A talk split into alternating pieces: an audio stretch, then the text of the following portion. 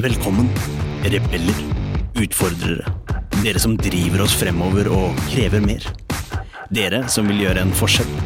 Skape magiske arbeidsplasser med lykkelige mennesker som skaper produkter som kunden deres elsker. Men 75% av nordmenn føler lite eller ingen engasjement i jobben sin. 94% av ledere sier jo at smidighet og samarbeid er kritiske faktorer for at deres organisasjon skal lykkes men kun 6% av dem mener selv at de er smidige. Dette er podden som vil inspirere, gi deg konkrete tips og verktøy som vil hjelpe deg med å skape endringsdyktige organisasjoner med høyt engasjerte og motiverte ansatte som lager uslåelige produkter. Med smidig-coachen, kurs- og foredragsholderen Ida Kjær ved sin side har hun kurs- og foredragsholderen, smidigtransformatøren og topplederen Tobias Falkberger. Sammen har de over 20 års erfaring med å jobbe i og lede smidige team og organisasjoner. Nå kjører vi! Hei og velkommen til en ny episode av Smidigpodden. I denne episoden har vi besøk av Håkon Sveen fra Bærepodden. Och det är väl kanske många som kan då gjette att dagens tematikk er bærekraft. I en hva skal jeg si, litt kontekst av både mm, endringsdyktighet, smidig og digital transformasjon. Ja.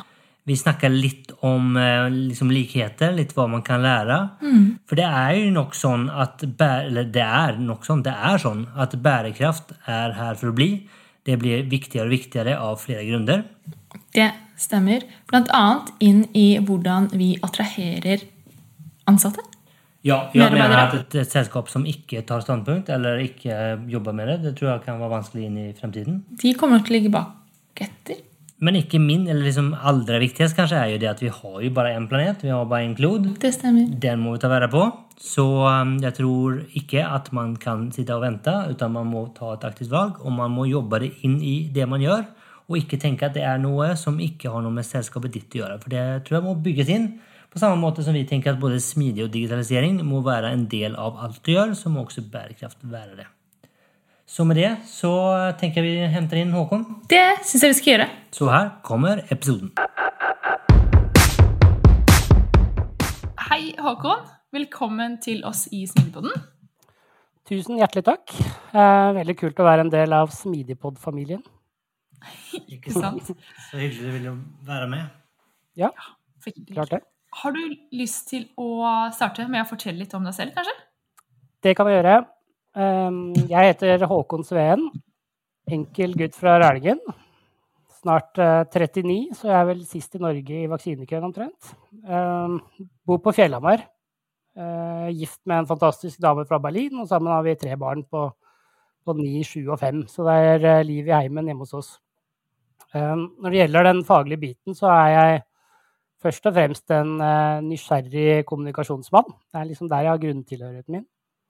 Eh, utdannelse innen markedskommunikasjon fra BI. Liker å skrive, markedsføre og skape oppmerksomhet rundt eh, mennesker, organisasjoner og budskap som, som egentlig sånn spiller opp under samfunnsnytte. som knytter mennesker, miljøer og mening sammen. Det er, det er på en måte jobba mye med, og det trives jeg med. Så jeg har vært innom litt ulike retninger, egentlig. Salg, journalistikk og veiledning. Men det var først da jeg kom inn, på, altså inn i Navs moderniseringsprogram i, i, 2011 at jeg følte at jeg liksom, nå er jeg på riktig spor. Og så har jeg etter hvert fått liksom, orkesterplass i noen sånn skikkelig spennende digitale transformasjonsreiser i, i Nav og tolletaten. Og, og, de siste årene så har jeg også fått opp øynene for bærekraftig utvikling, da, som eh, kanskje er den største muligheten og utfordringen i vår tid. Nå er jeg Footstep. Eh, lite verdidrevet konsulentselskap med, med liksom eh, masse bra folk. Eller seks bra folk, for jeg er en liten gjeng. Um, som jobber på ulike oppdrag innen digitalisering og utvikling i offentlig sektor. Um, og så er jeg en av programlederne i podkasten Bærepodden sammen med mm. Footstep-kollegene mine Sigurd Eriksland og Ida Gram.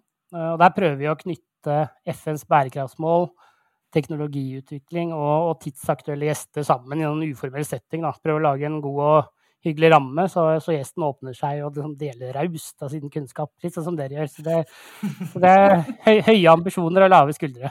Det er, um, så, så liksom, med målet med podkasten er egentlig å fylle de litt sånn ulne begrepene digitalisering og bærekraft med, med konkret innhold. Sånn at um, flere kan forstå og liksom uh, bli inspirert til å ta fremtidsrettede valg. Um, mm. Så kort oppsummert så står jeg på tre bein, på en måte.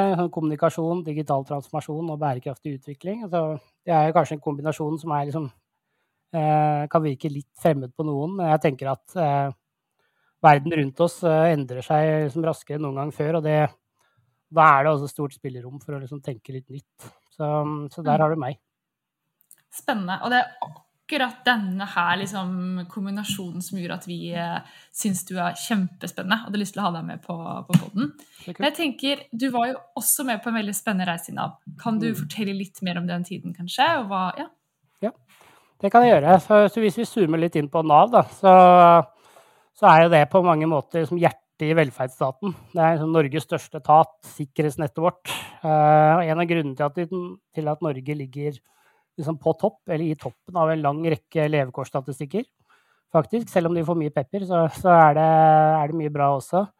Og de er, Nav er svære. Det er liksom 19 000 medarbeidere og leverer tjenester til til hele befolkningen gjennom alle livets faser. Og liksom en tredjedel av statsbudsjettet ruller gjennom systemene. Det er 470-ish milliarder kroner. Det, det, er penger, det òg. Så, så, så det, de er store. Eh, og så, ja, så tilbake i 2011 da, så, så, slo, så, slo, man på stortromma liksom, for å ta Nav inn i fremtiden. Det var liksom den store starten på den digitale transformasjonen av Nav. Eh, var jo, liksom, arbeidet var organisert i det som ble kalt moderniseringsprogrammet. Og jeg fikk en kommunikasjonsrolle der, og det var egentlig fantastisk lærerikt og kult. Litt sånn tidlig digitaliseringsløypa. Eh, og så gikk jo ikke det digitaliseringsarbeidet på skinner eh, de første årene, men, eh, men, men, det, men, for meg personlig så var det utrolig lærerikt. og Masse fine folk, og egentlig en skikkelig øyeåpner i hva som ligger i en digital omstilling. Da. Og jeg tror også hele Nav egentlig har vokst på de erfaringene man gjorde seg der. Så holdt vi på noen år med å legge grunnlaget for det Nav vi ser i dag. Men det var først da Torbjørn Larsen kom inn som, som IT-direktør i 2017, har liksom digitaliseringen skjøt fart. Eh, det er en gjest jeg vet dere har hatt her tidligere. Eh, det stemmer. Fantastisk inspirerende fyr som egentlig snudde opp, opp ned på det meste av hvordan eh, moderne utviklingsarbeid bør rigges opp. Da. Kom inn med litt friske øyne og traff egentlig nerven i Nav gjennom sin væremåte og liksom eh, tankegods. Og noen mener at han var radikal, men jeg mener at det egentlig var liksom forut for sin tid. Og i ettertid har jeg jo sett at veldig mye av det han sa og gjorde eh, fra en IT-direktørrolle nå er i ferd med å bre om seg i hele Nav og hele offentlig sektor. Så jeg, så jeg vil hevde, hevde, at han er en av de store lederne i offentlig sektor de siste årene. Og jeg, da, jeg var jo så, måte, så heldig å få være hans wingman på kommunikasjonsfronten. Og ledet liksom, kommunikasjonsarbeidet rundt den digitale omstillingen. Og styrte mange av budskapene og, kanalene. Og jobbet egentlig stort sett med liksom, de omkringliggende områdene av IT, det som må være på plass for å lykkes med moderne utviklingsarbeid. Da. Så jeg, jeg, tenker at uh, altså jeg tror et av de viktigste grepene man gjorde da, var liksom å ta store samfunnstrender på alvor. For når så mye rundt oss endrer seg liksom raskere enn noen gang før, så, så må vi også rigge oss for endringer. Så, så, så vi begynte å legge til rette for liksom mye større fleksibilitet over hele fjøla. og frigjorde litt fra hvordan verden så ut, og tenkte heller hvordan den kan se ut. Prøvde å se oss selv litt utenifra, da får man litt andre perspektiv på ting. da. Og det man egentlig så veldig fort da, var jo at digitalisering det er ikke en IT-greie. Det treffer midt i hjertet av etaten og påvirker alt vi driver med. Så, så, det var en anerkjennelse av digitalisering. Det er liksom kjernekompetanse, og det bør man helst ha i eget hus. Så det var en liten sånn, sånn mm. grunnforutsetning. og det den anerkjennelsen det resulterte i liksom at vi tok mye større ansvar og eierskap til egen utvikling og liksom så på sourcing-strategien med nye briller. Tenkte nytt uh, rundt lederrollen. Gikk bort fra store IT-prosjekter og over til autonome tverrfaglige team som leverer kontinuerlig. ikke sant? Optimaliserte systemene for, for liksom raskere endringstakt og større fleksibilitet for å, for å svare på endringer i omgivelsene. Og og så sikta vi mot å lage sånn verdens beste velferdsløsninger, og så turte vi å si det høyt. Og det gjorde noe med hele kulturen og mindsettet. I, i, det gjorde det virkelig i, i Nav. Også. Og så bygde vi en, egentlig en helt For Der kommer vi kanskje litt inn på litt inn på det med bærekraft òg, for jeg tenker at i hvert fall sånn sett utifra så har jo liksom altså Det har jo blitt såpass mye viktigere, og Nav har jo også tatt en aktiv posisjon og gjør det også i dag eh, i rekruttering, annet. Og det er liksom mm. og det er kanskje, Hva er dine refleksjoner der? At liksom vi har sett at Hva er din opplevelse? Er det, er det viktigere i dag enn det var tidligere, eller er det ja, altså jeg tenker at Fra et IT-perspektiv så handler liksom bærekraft om å lage eh, kvalitativt gode IT og robuste IT-løsninger som varer lenge. Eh, og da må de være fleksible og endringsdyktige. Så det er liksom eh, Vi, vi snakka kanskje ikke så mye om bærekraft som begrep på den tiden der, men etter i ettertid så ser vi at det er jo i høyeste grad på en måte Det er jo egentlig det, det vi snakker om, da. Så og så, og så, bygde vi egentlig en, en helt ny IT-operasjon rundt tight, loose, tight-tankegang, som dere også har snakka om tidligere. Der vi var mm. liksom tydelige på hvor vi var, hvor vi skulle. Men liksom hvordan vi kom dit, det, det, er i stor grad opp til teamene. Og det på en måte finner man litt ut underveis. da. Fordi omgivelsene skifter så, så, raskt at man kan ikke skrive den boka på forhånd. Så, så vi blei egentlig eh, langt mer liksom, offensiv i kommunikasjonen vår. Mye mer synlig på alle fronter. Liksom, begynte å snakke om eh, viktigheten av åpenhet og tillit. Mye større, på, mye større fokus på kompetanseheving. Liksom, jeg husker fortsatt Torbjørn sa liksom, en av de første dagene altså, Uansett hva vi har brukt på kompetanseheving før, så skal vi minst tredoble det. De, sa han en av de første dagene. Det er litt sånn kult og bold statement. Og så begynte vi å løfte frem liksom, hverdagshelter i organisasjonen som kanskje aldri før hadde hatt navnet sitt på trykk, men som gjorde en liksom, uvurderlig jobb for, for uh, Nav og Norge. Og, og, så fikk man opp, også opp noen kommunikasjonskanaler som som f.eks. Slack, da, som gjorde at flere nye stemmer kom på banen med smarte tanker og innspill, som bidro til liksom, fremskritt og utvikling. Det var ikke bare, var ikke bare lederen, liksom. Så ble man mye mer aktiv og proaktiv i media, var med å sette debattene istedenfor å bare ta imot juling, som, eh, som Nav eh, var vant til, holdt jeg på å si. Satte fokus på liksom, omdømmebygging, liksom du eh, snakket, så vidt var innom, Tobias. Altså, mye mer kjørte store rekrutteringskampanjer på nye måter som reiste rundt i Norge og snakket om den digitale transformasjonen av Nav for de beste IT-studentene i landet. I, starten, I starten var det så vidt uh, noen åpna øynene, liksom, og på slutten så lå folk omtrent i sovepose for å få liksom en av plassene på, på de arrangementene der. Da. Så så, og så gjorde vi en del nye ting. Arrangerte liksom store arrangementer for å tiltrekke oss eh, smarte folk og positiv nysgjerrighet. Jeg husker fortsatt hvordan vi leide Rockefeller og inviterte til pølser og øl liksom, for å skape interesse for Nav som en attraktiv arbeidsplass. Det er ganske sånn eh, nybrottsarbeid i offentlig sektor, men det ble lagt veldig merke til. ikke sant? Mm. Så begynte vi å lære, liksom lære av de fremste organisasjonene i verden. Vi dro på studietur til Spotify, Google og LinkedIn for å lære å diskutere. og noe som jeg også tror jeg var litt sånn uvanlig i offentlig sektor, i hvert fall for noen år tilbake. Så, så, så mange altså Jeg kunne nevnt mye mer, jeg skal ikke bruke opp all tida på det. Men liksom, summen av alt dette var noe helt nytt da, som fikk så egentlig stor impact uh, i utviklingsarbeidet i Nav. Og så, og så skrev vi, skrev vi en hel liksom, bråte med saker og blodposter, både internt og eksternt, som uh, over og over igjen med ulike vinklinger og perspektiver. og Det, det er noe av det viktigste jeg har tatt med meg videre. egentlig. For Ingen kan liksom argumentere mot suksess, men må, du må, forstå endringene for å bli med på laget. da. Så, men du kan, Kanskje du kan si litt hvordan altså, For her er vi jo på veldig altså Nav er jo et spennende case, og det er jo fantastisk hva Nav har gjort i den digitaliseringen der. Men hvordan altså, din, din vei videre over til bærekraft, hvordan, altså, kan du fortelle litt mer hvordan du tenker ja. at det henger sammen, og hvorfor det er viktig inni det her? da?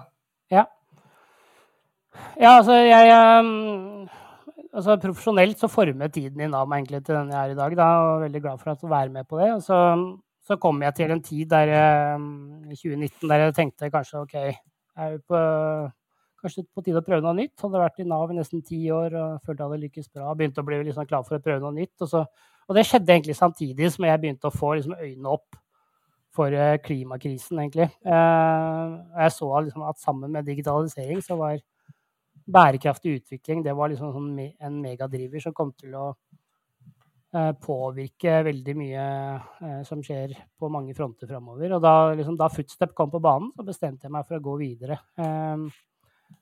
Liksom, vi skal sette varige, positive spor hos kunden, kloden og samfunnet, sa Inger Hilde Hillesund, daglig leder i Footstep til meg. Da var jeg liksom litt solgt, da. Ja, de mm. prøver på en måte å koble sammen digitalisering og bærekraft på en liksom ny måte, på en måte. Det er, eh, det er en måte som jeg, jeg, ikke hadde sett så mye til før. Det er mange som Mange har jo liksom, fordi det er en trend, så har mange, så mange satt, satt av en bærekraftsansvarlig eller en liten avdeling på siden av det man egentlig driver med. Mens i Footstep så var det, så var det var liksom eh, helt inn i grunnvollene, på en måte. Det var liksom i kjernen av forretningsmodellen. Så det, det synes jeg var, det gjør noe liksom med litt kulturen. Så det, det, likte jeg veldig godt. da. Men det tenker jeg man kan si om digitalisering òg, at det liksom var på siden, og så har det blitt mot ja. core. Tenker ja. du at vi vil se det samme med bærekraft? At det er ja, som en det tror jeg du har helt rett i. for jeg tenker at eh, Det er mange likhetstrekk her, men eh, bærekraft ligger bare ti år bak i løypa. Så det her kommer til å treffe samfunnet med full kraft eh, eh, ganske snart. Og det gjør det egentlig allerede.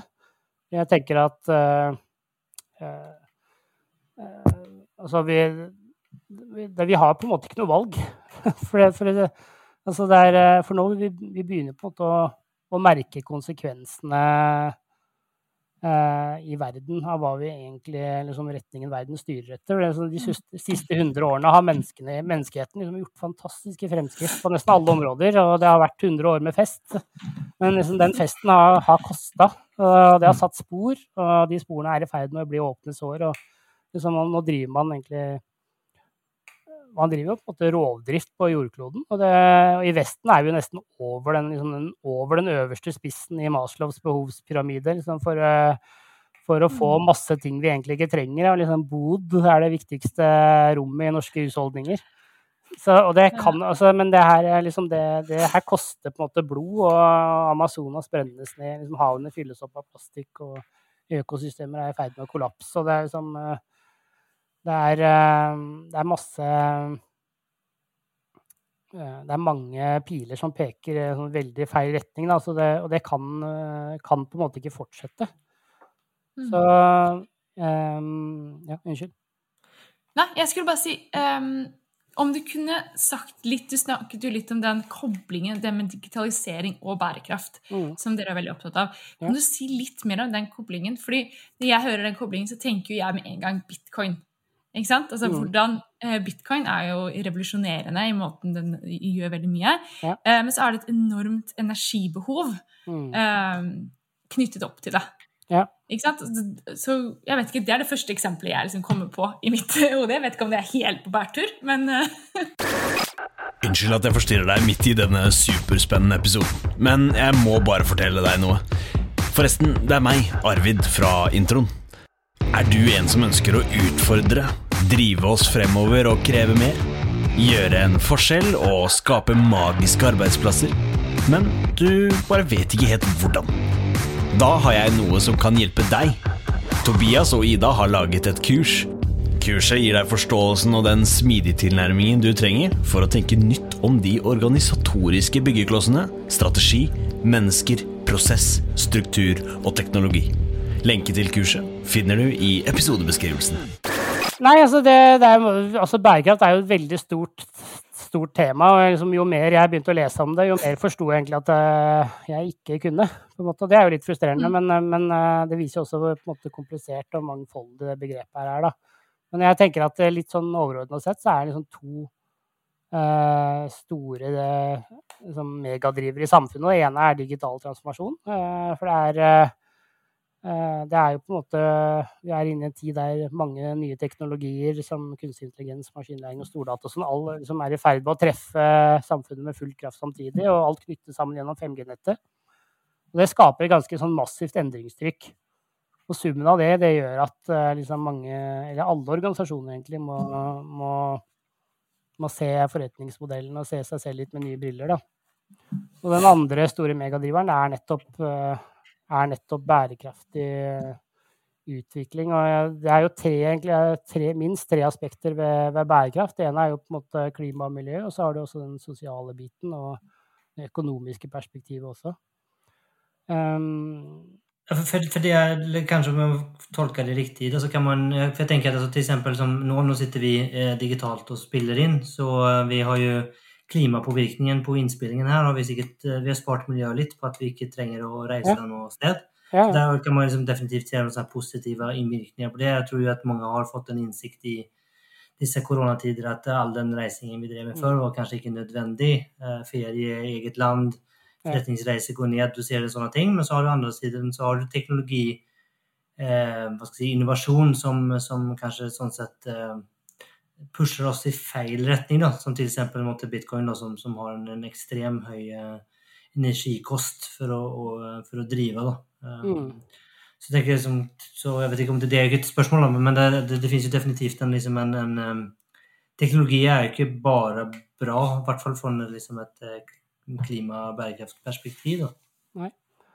Nei da, eh, det er nok helt riktig. Er, jeg tror det er flere som kan snakke mer om bit, bedre om bitcoin enn meg. Men jeg tenker at det er definitivt ulike altså, er, altså Vi hadde I Bærepodden så hadde vi en episode med med Redd Barna f.eks. Der var vi innom et veldig sånn eh, et paradoks, egentlig, hvor du snakker om at teknologi det kan være på måte, bra på mange måter og hjelpe oss til å nå frem til sårbare barn på nye måter. Uh, men det kan også være på en måte et sted for overgripere. Og så kan man heller aldri liksom tvitre over uh, en klem eller snappe over den nærheten som mange, mange sårbare mennesker trenger. Så det er, liksom, det er det er på en måte bare både positive og negative eh, ting med, med den teknologiske utviklingen. Men mm. ja, jeg, jeg, sitter ikke med alle svarene. Men, jeg, jeg, men det er mye, mye, spennende å grave i her som tror jeg vi kommer til å, som påvirker det meste man gjør framover.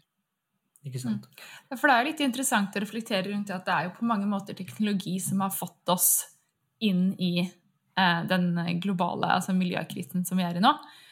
Og så er det på en måte teknologi som også skal kanskje få oss ut av det. Mm. Ja. Eh, I hvert fall ta oss videre, da. Ja. Um, ja. Men du, kan ikke du eh, fortelle litt om Bærepodden, da? Det kan jeg gjøre. Um, det er moro med podkast. ja! I Footstep så driver jeg liksom podkasten Bærepodden sammen med Sigurd Eritsland og Ida Gram, så jeg jobber sammen i Footstep.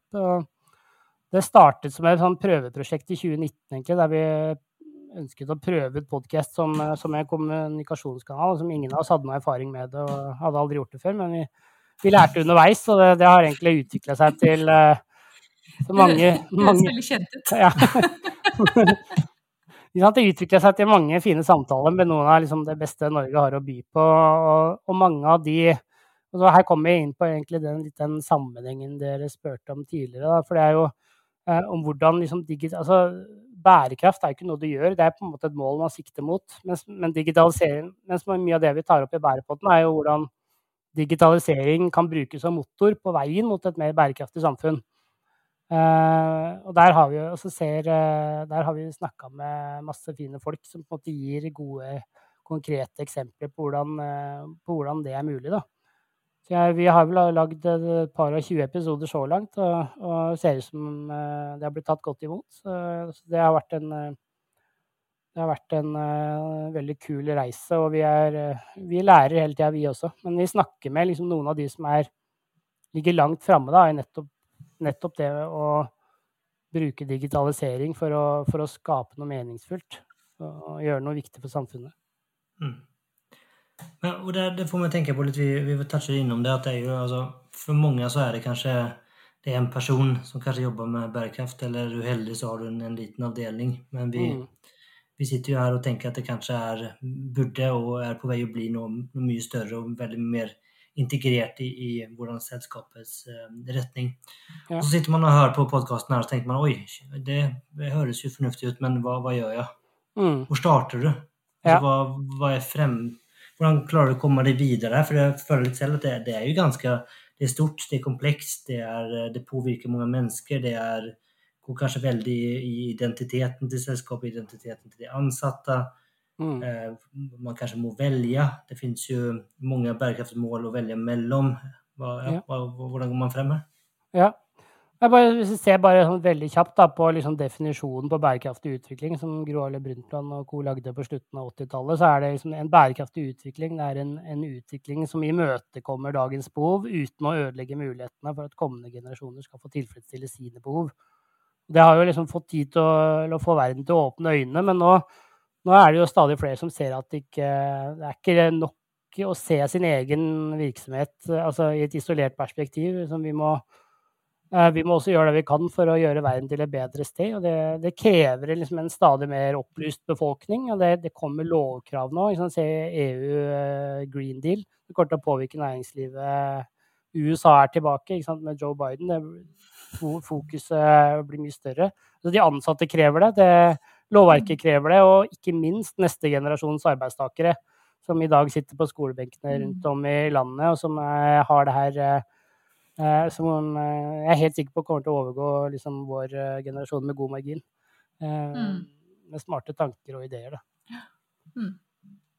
Um, så, så, det er ikke, så liksom, det er ikke lenger et, egentlig et konkurransefortrinn, men det er en hygienefaktor som man forventer på arbeidsplassen. Og har du liksom ikke, hvis du ikke henger med der, så, så blir du utkonkurrert. Altså. Og, du, og, da står du igjen på perrongen og går konk, liksom tenker jeg. Mm. Eh, og, og, i offentlig sektor, der, eh, der, der, går du på en måte ikke konkurs, men, du, du, men hvis man ikke henger med der heller, og henger med på utviklingen av samfunnet, så, så, kan det i verste fall liksom føre til protestvalg og sånn, som, eh, som, man ser noen steder i verden hvor man ikke har hengt med i hele tatt. Mm. Og så ser man jo også, jeg tenker også, Ansatte er jo en viktig del av det. og altså selv om du er i en offentlig etat, f.eks., så er du fremdeles avhengig av at folk har lyst til å jobbe hos deg. Mm. Eh, så hvis ikke du har en attraktiv profil, og vi ser jo at bærekraftig utvikling er viktigere og viktigere ja. for ansatte, nettopp som vi er inne på nå. Mm. Um, så det er jo også en konkurransefordel med tanke på det. Ja, ja, absolutt. Jeg, I høyeste grad. Mm. mm. Men så er det også viktig, um, jeg tenker med tanke på kunder. Mm. Det å, vi, I DNB så snakker man jo om, om bærekraftige lån, f.eks. Ja. Ikke sant? Uh, og den type ting, da. Mm. Som blir viktigere og viktigere, tror jeg, fremover. Ja. Bare sett starten av ja, ja. det. Så jeg tror Altså, jeg um, har veldig tro på det når man måte skal investere, f.eks. At uh, bærekraftige alternativer settes som, som default i et aksjefond, f.eks. At man aktivt, mm. aktivt må velge det bort hvis de ønsker noe annet. Det det har jeg veldig tro på. og Det er noe med å gjøre det gunstige alternativet mer attraktivt enn det andre, med både liksom prising og nudging-tankegang og sånt. Så det er mye spennende. Det er interessant. Ja, du gjør det som default istedenfor at man skal velge det til, så må du faktisk ja. aktivt velge det bort. Ja, og det er en ganske sånn stor greie. Eh, det er liksom nudging-tankegang ja, med, med, å få det til å velge, gjøre liksom alt man kan eh, for å få noen til å velge det foretrukne alternativet uten å forby det andre. Men det da, får, mm. da, begynner folk å reflektere og, og, tenke litt over det. Og jeg tror ikke det er så mange som hadde gått inn og bytta til fossil energi da, f.eks. Nei, jeg vil ikke ha bærekraft. Nei. Absolutt ikke. Nei, ikke sant. Så Nei, det, det, det, er så det ligger så mye spennende her. Og som jeg sa, altså jo mer jeg leser meg opp på det, jo, jo mer skjønner, forstår jeg at jeg ikke skjønner, på en måte. Men uh, mm. Men det, er, det ligger eh, store, store muligheter også. Det er bare Altså, det er en kjempeutfordring, men det ligger også store muligheter for å, mm. For å, å liksom ta noen valg nå som kan eh, Altså noen langsiktige investeringer som kan sette deg i en veldig god posisjon fremover. Mm. Men jeg tenker de spennende selskapene og eh, personene som du har fått snakke med i poden, så hva, var din, om du skal liksom oppsummere, hva er det de gjør som gjør at de er bedre på det her enn andre? Liksom, kan du trekke ut noe, liksom, ja. noe kjernetips her? Jeg kan eh, altså se på Fredrik Gulåsen og Nyby, f.eks. Han uh, har lagd en digital plattform som kobler sammen uh, mennesker uh, med et behov, med mennesker som ønsker å hjelpe. Så har jeg solgt det her ut til mange, masse kommuner rundt omkring i Norge, og de menneskene hadde aldri møtt hverandre hvis de ikke hadde hatt den plattformen. Det er, og det kan være alt fra liksom, noen som Eh, liksom eh, noen, liksom noen, nye landsmenn som trenger å lære norsk, med en eh, ensom pensjonert lærer, f.eks. Som, så, så kobler du det sammen via digitalisering da, og på en måte er med å skape et bedre og mer bærekraftig samfunn. Hindrer ensomheten og hjelper integreringen. Så når det her begynner å skaleres opp, så, så begynner det å bli veldig spennende. Så, så Nyby er definitivt et kult eksempel. Um, det er, altså, det er masse spennende. Uh, Ingvar, som du kjenner i DNB, Ida, snakker om liksom, hvordan uh, radikalt mangfold bidrar til radikal innovasjon. også veldig kult. Så har du mm. Skal vi se Tenke litt, da. Men vi hadde så bare se på fjellinjen, altså bompenger. Mm. Tenk, høres som altså, Får rullegardina til å gå ned hos veldig mange, liksom, jævla bompengene. Men hvis du begynner å liksom se litt bak, da, så, så er det liksom, i aller høyeste grad med å skape en uh, miljøvennlig og fremtidsrettet uh, hovedstad. Fordi nesten alle, altså 97% av de 3,5 milliardene de tamler inn hvert år, det, det går mm. rett og slett i prosjekter, altså kollektivtransport og som som eh, frakter eh, deg og meg og oss til, fra A til B, liksom. Det bygger skoleveier for barna våre. Det lager bedre sykkelveier som gjør at vi kan kose oss på søndagsturer eller tre, treningsturer eller sånn. Så det er en liten sånn individuell skatt som bidrar til et stort felles gode. Så det er, liksom, det, er som Det er mange ting man kanskje ikke tenker på i det vanlige, da, men som eh, Hvis man begynner å tenke dyp, dypere over en del problemstillinger, så begynner man å se så begynner man å se det litt tydeligere. Så, så jeg snakker litt sånn som jeg var innom i stad, altså Redd Barna. Eh, Snakka med Birgitte Lange, som er generalsekretær i Redd Barna. Um, om hvordan de bruker eh, teknologi for å nå fram på, på, nye måter. Og også for å frigjøre tid, fordi, nettopp fordi man ikke kan tvitre og snappe over liksom, den klemmen og den human touchen som mange sårbare barn trenger. Så da må man på en måte automatisere og bruke teknologi til å frigjøre tid, da, som nettopp får, eh, får, det handlingsrommet til å møte, møte de sårbare barna på deres eh, arenaer. Mm. Mm. Så mm, det, det, er masse spennende å ta tak i. Mm. det blir bare en liten dråpe i havet nå, men det er, eh, det er kjempemasse kult. Som, jeg, så, så, vi ser liksom hvordan, hvordan altså smart bruk av digitalisering kan bidra eh, til et bedre samfunn. Mm. Mm tänker, du har jo mange eksempel på altså, ulike selskaper og ulike branscher som kanskje nesten har benektet digitalisering. Jeg tenker jo på musikkindustrien er vel kanskje det mest kjente eksempelet exemplet. Man liksom inn i det siste. så, så det vel til og med altså, Filmindustrien fortsatt er jo satt jo, det var jo lenge Disney prøvde å fortsette å selge DVD-er. Nå har man jo endelig det er ikke så lenge siden det kom Disney+. pluss. Altså, det er mange måte, industrier som liksom er inne i det siste og tenkte at de skulle liksom klara seg uten digitalisering.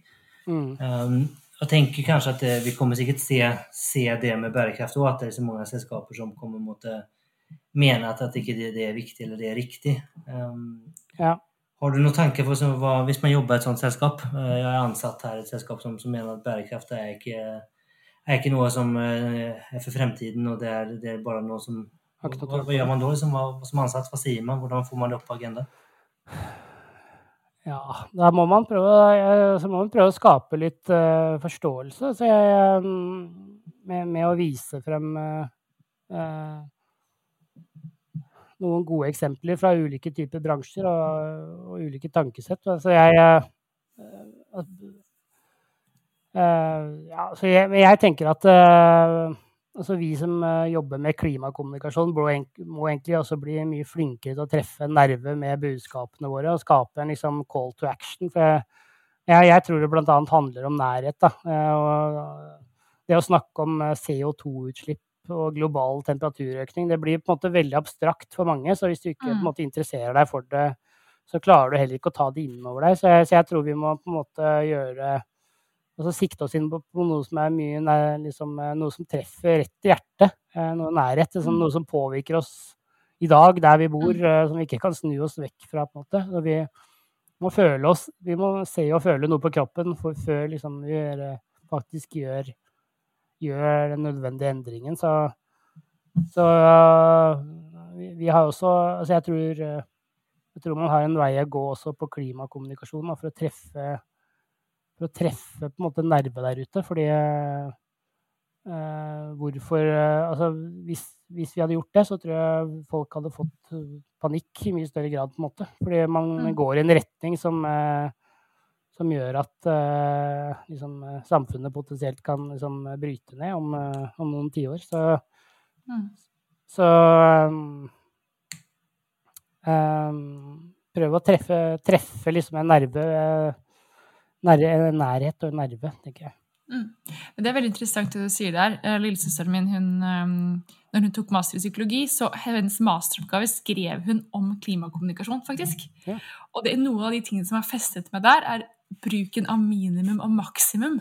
Og hvor stort utfall det har på om mennesker eh, tror på budskapet ditt eller ikke. Mm. Og bare hvor enkelt det er. liksom, ja, Havnivået kommer til å stige minimum tre eh, centimeter, eller maksimum ti.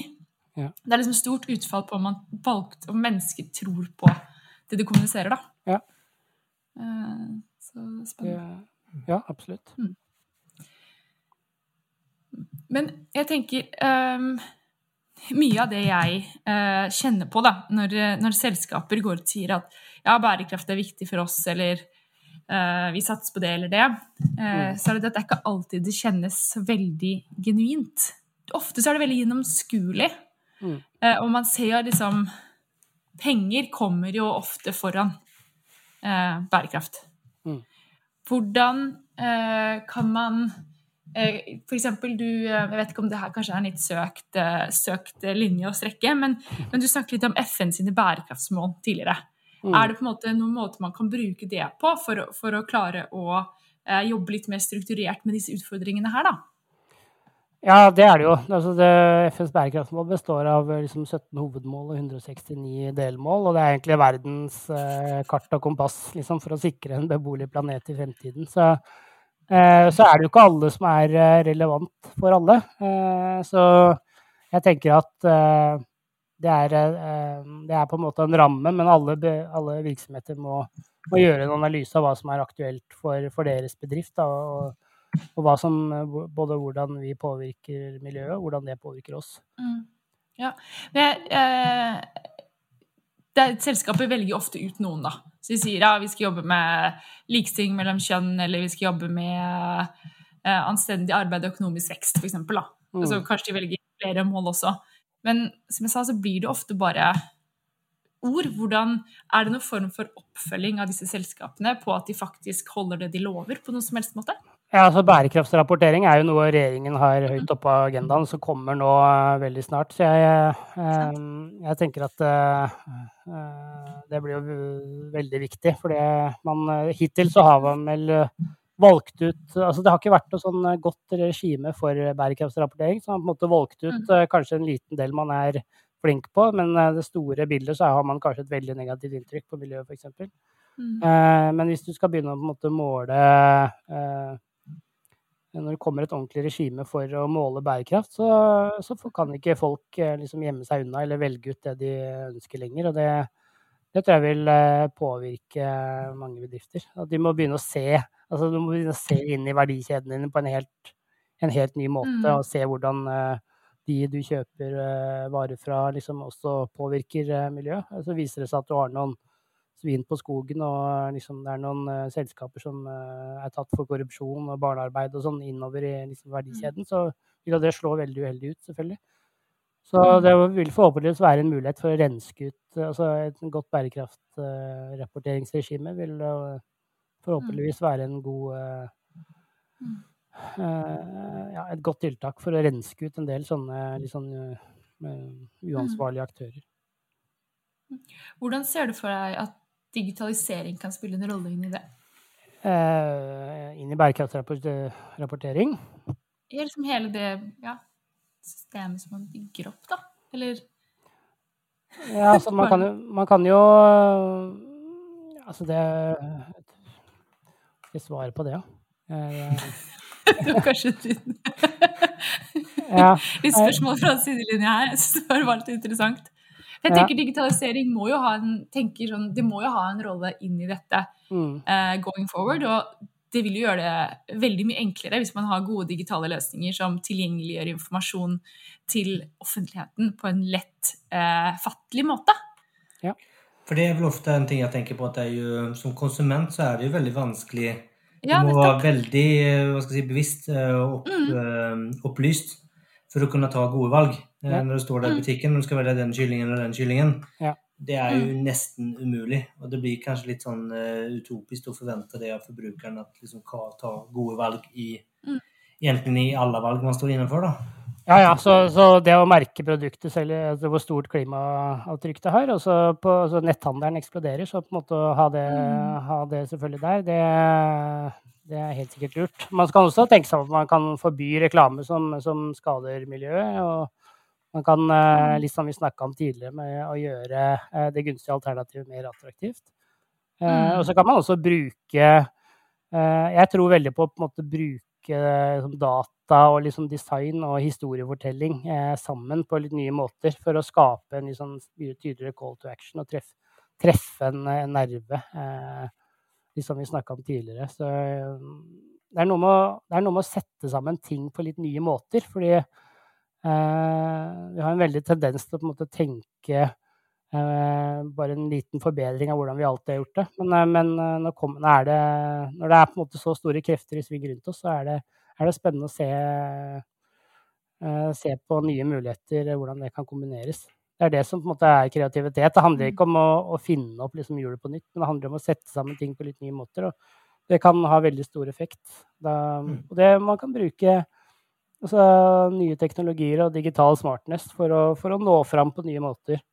Eh, mm. Sånn at folk tar mer bærekraftige valg. Og der kommer liksom broen litt mellom bærekraft og digitalisering inn også. Mm. Der, jeg tenker, For det handler til syvende og sist om alle de mikroendringene vi, liksom, vi gjør hver dag, som til sammen blir én stor endring. Liksom, hvis sju milliarder mennesker gjør litt, så blir det mye til sammen. Ikke sant. Jeg tenker at det er en uh, veldig fin uh, altså i avrunding, og så går vi med å si at hvis alle gjør litt, så blir det veldig mye. Jeg syns det var veldig kloke ord. Så med det så tenker jeg vi hopper over til de fem siste spørsmålene. Er du ikke enig i det? Jus. Nei, jus. Yes. Jus.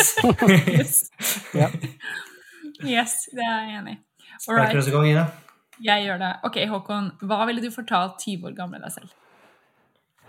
Altså jeg tror jeg ville sagt at uh, livet består av mange tilfeldigheter, men uh, hvis du legger ned en skikkelig innsats, så øker du sjansen for at tilfeldighetene går i din favør. Uh, den anerkjennelsen kommer litt seinere hos meg. Så, um, og, så, og, så, ville jeg nok gitt en Og det har jeg, jeg egentlig prøvd å, å, følge opp også. Så ville jeg gitt, en, gitt et råd om en jevnlig kur med digital detox, egentlig. Altså koble helt av og, og bare være menneske. Så jeg jeg kommer nok alltid til å være forkjemper for smarte og brukervennlige liksom, digitale løsninger som gjør det enklere og frigjør tid. Men, men eh, med, den tiden, så, med, den tiden, vi sparer, så bør det ikke gå til å se enda mer på skjerm. Da. Så jeg, når jeg ser tilbake på livet mitt så langt, så tenker jeg at de og ser, tenker tilbake på de beste opplevelsene jeg har hatt, så har ingen av de vært foran en skjerm. Så, så jeg vil nok råde 20 år gamle Håkon til å, til å ta til seg budskapet liksom, i De Lillos uh, sin fantastiske sang 'En smak av honning'.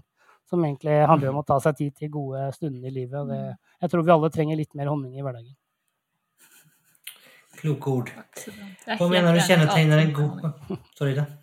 Jeg sa bare at alle trenger litt mer honning i hverdagen. Ida er veldig glad i honning. Hva mener du kjennetegner en god leder? Så det er eh, tenker en empatisk type, som er en som evner å inspirere og motivere og engasjere liksom ved å fortelle hvorfor. Eh, ikke hva og hvordan, ikke en som står og henger over skulderen din og sier hvordan du skal gjøre det, men eh, hvorfor vi skal gjøre noe, eller gå i en retning. Det, det syns jeg er inspirerende. Så. Og en som på en måte er det eksempelet han eller hun ønsker å se rundt seg. Ikke bare en som sier hvordan andre skal gjøre det, men, men som faktisk er, den, er det foregangsfiguren selv. Da. Så vil jeg ha en leder som som ser utover sin egen virksomhet. Og eh, en som sikter liksom mot en høyere himmel og, og, viser lidenskap og vilje til å bidra til et bedre samfunn, og ikke bare se skotuppene sine og sin egen virksomhet isolert sett. En sånn leder vil jeg jobbe for, og, og det gjør jeg faktisk også. Så det, det, er jeg godt fornøyd med. Så hyggelig. Mm. Så bra. Alright, så Hva vil du gi som tips hvis, til de som ønsker å etablere en litt mer endringsdyktig eller smidig kultur?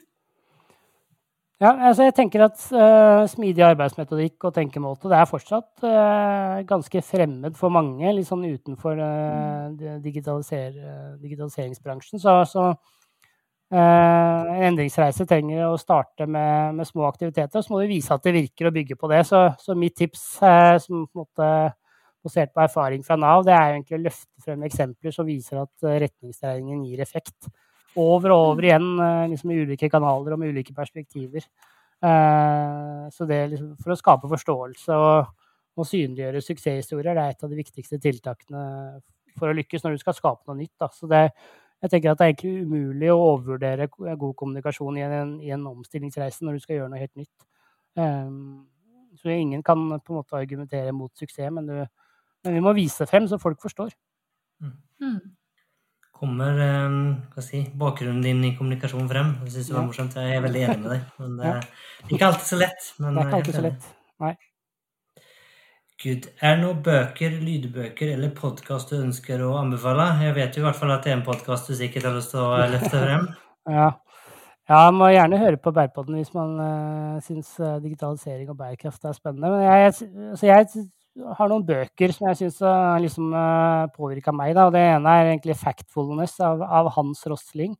For meg var det egentlig en sånn øyeåpner av en bok som på, som på veldig godt vis uh, forklarer hvordan uh, liksom, verdenssamfunnet har gjort fremskritt på nesten alle områder de siste 100 årene. Uh, så selv om man på en måte ser på nyhetene og alt er trist og leit, så, så, er, så reflekterer ikke det virkeligheten, egentlig. For det er eh, altså, Negative saker bærer ofte preg av kutt og plutselige hendelser og dekker liksom nyhetskriteriene. Men, mens fremskritt sjelden når opp, da, for det gjerne er et resultat av innsats over tid.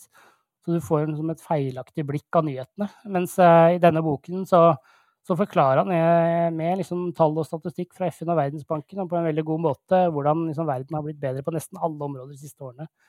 Og det store unntaket er jo klimakrisen, som, som på måte, mange måter er prisen vi har måttet betale for de fremskrittene. Men, men uh, en fin, veldig god bok som som jeg anbefaler. Jeg tror verden trenger litt positivitet etter liksom 15 måneder med med et nedstengt samfunn.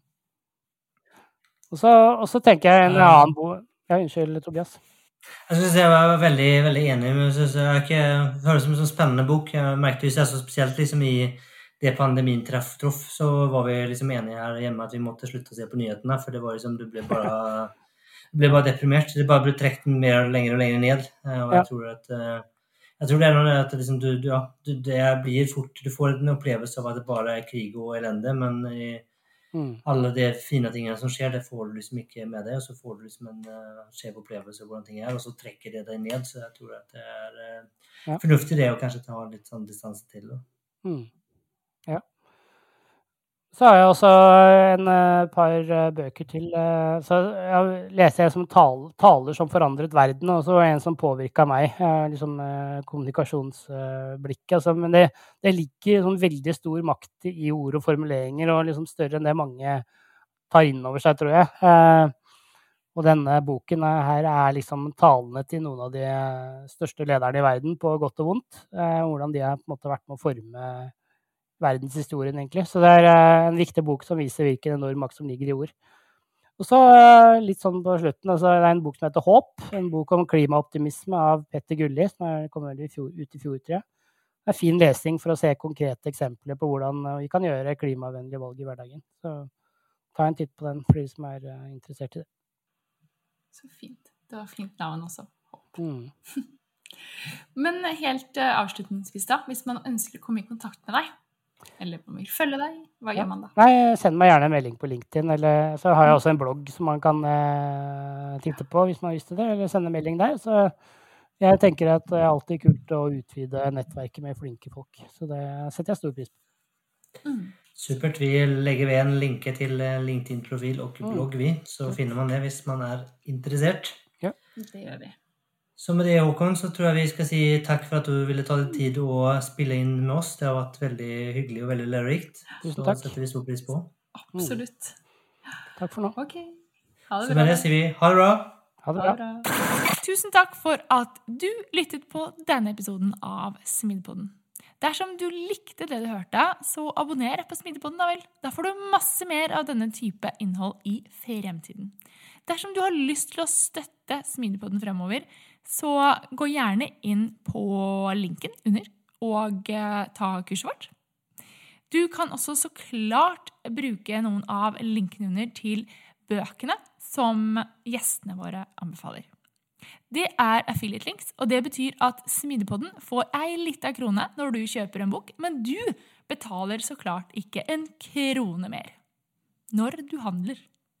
Så med det så ønsker jeg deg en fortsatt fantastisk dag eller kveld, hvor enn det er du befinner deg i denne store, vide, vakre verden. Ha det bra!